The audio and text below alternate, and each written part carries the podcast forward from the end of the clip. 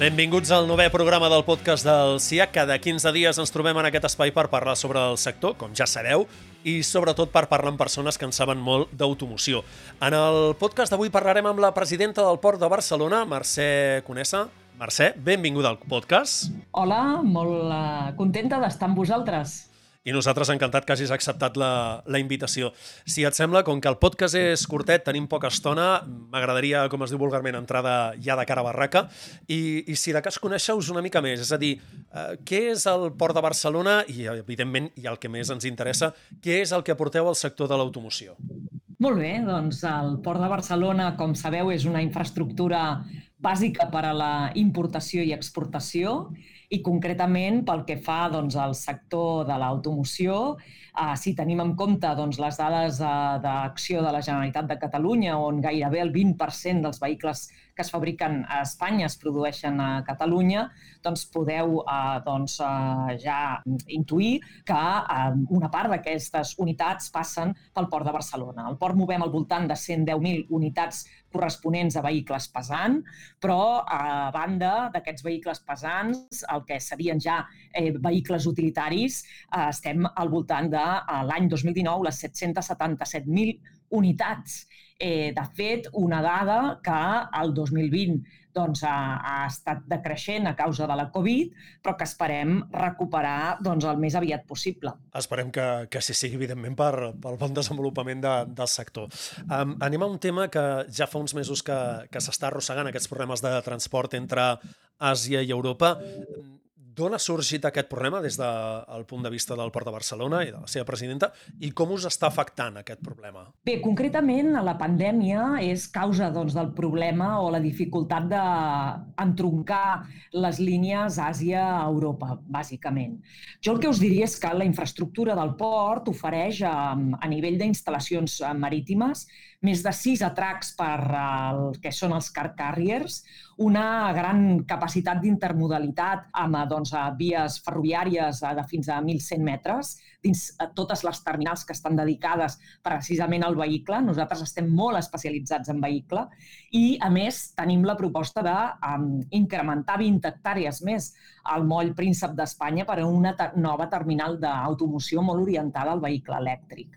Però, concretament, el que s'ha donat amb la pandèmia és el que s'anomena els blank sailings, que és l'anul·lació d'algunes rutes, eh, atès doncs, que no hi havia prou volum d'exportació i importació. Eh, és cert, això ens ha comportat doncs, que l'any 2020, eh, si recordeu que us he donat la xifra, no? que l'any 2019 vam moure eh, doncs 777.690 unitats, això ha fet que l'any 2020 haguem eh, doncs, mogut eh, entre aquesta importació-exportació 480.337 unitats de vehicles anuals. És una diferència important, però nosaltres veiem una recuperació clara de cara al 2021. A més, hi ha d'afegir tot el tema dels components. Penseu que a nivell de components de vehicles, el 40% dels components eh, són d'exportació. Estem parlant de eh, contenidors, o sigui, els components de vehicles es mouen dins de contenidors. Estem parlant de més de 100.000 contenidors de components de vehicles, el 40% dels quals són d'exportació, 27 d'importació i 34% de trànsits. Per tant, um, sí que ens preocupa aquest fet de uh, doncs, aquesta, eh, aquest, aquest, aquesta temporalitat no? que ha fet alguna anul·lació de les línies a Àsia, però no tinc cap mena de dubte que de cara a 21-22 es recuperarà la normalitat. Doncs, evidentment, esperem que, que així sigui. I ja per tancar el podcast d'avui, com es pot millorar el transport i les connexions amb el Port de Barcelona? Estem parlant de connexions ferroviàries, eh, connexions per carretera? Sí, clarament estem parlant de, en primer lloc, connexions ferroviàries. Nosaltres, al Port de Barcelona, ja fa anys que vam apostar per la eh, intermodalitat. Penseu que el tràfic ferroviari del port eh, estalvia més de 51.000 tones de CO2 um, perquè um, suposa uh, treure 131.000 camions de la carretera la càrrega d'aquests camions el que fa és precisament utilitzar el tràfic ferroviari del port. Uh, penseu no, que totes les terminals de vehicles tenen la seva platja ferroviària. Per tant, eh, de fet, aquest any eh, hem fet un rècord no?, en relació a quota ferroviària.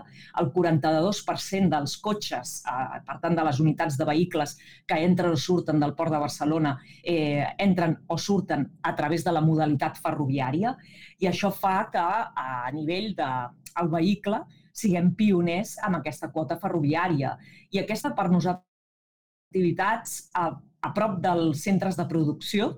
Eh, crec que els centres de producció de vehicles han d'estar també ben connectats eh, i propers a, a l'àrea portuària i, eh, evidentment, doncs, eh, que puguem doncs, garantir aquesta intermodalitat. Això també passa, evidentment, pels nous accessos viaris i ferroviaris, que, com sabeu, anem avançant perquè és una bifurcació del que és la REFIG, o sigui, la red eh, doncs, eh, ferroviària eh, de, de, general de l'Estat, i eh, aquesta, doncs, aquesta bifurcació de la REFIG ens suposarà que doblarem la capacitat que tindrà el Port de Barcelona en relació a la mm, quota ferroviària, de manera que si ara en aquest moment moment tenim un 45% no, de vehicles que entren i surten a través del tren, eh, podrem incrementar altres tipus de tràfics, com és el de contenidors, que està al 15%, o com pot ser altres tipus de tràfics que poden també utilitzar eh, la via ferroviària. Doncs esperem que tots aquests bons auguris o bones perspectives que ens comenta la Mercè Conesa es facin realitat perquè, evidentment, significarà que l'economia eh, segueix en aquesta línia que sembla que comencem a, a veure en positiu. Esperem que així sigui. Eh, fins aquí el podcast d'avui. Mercè Conesa, de veritat, moltíssimes gràcies per acompanyar-nos aquests minuts. Moltes gràcies a vosaltres. I nosaltres ens retrobem d'aquí dues, dues setmanes amb un nou convidat al programa.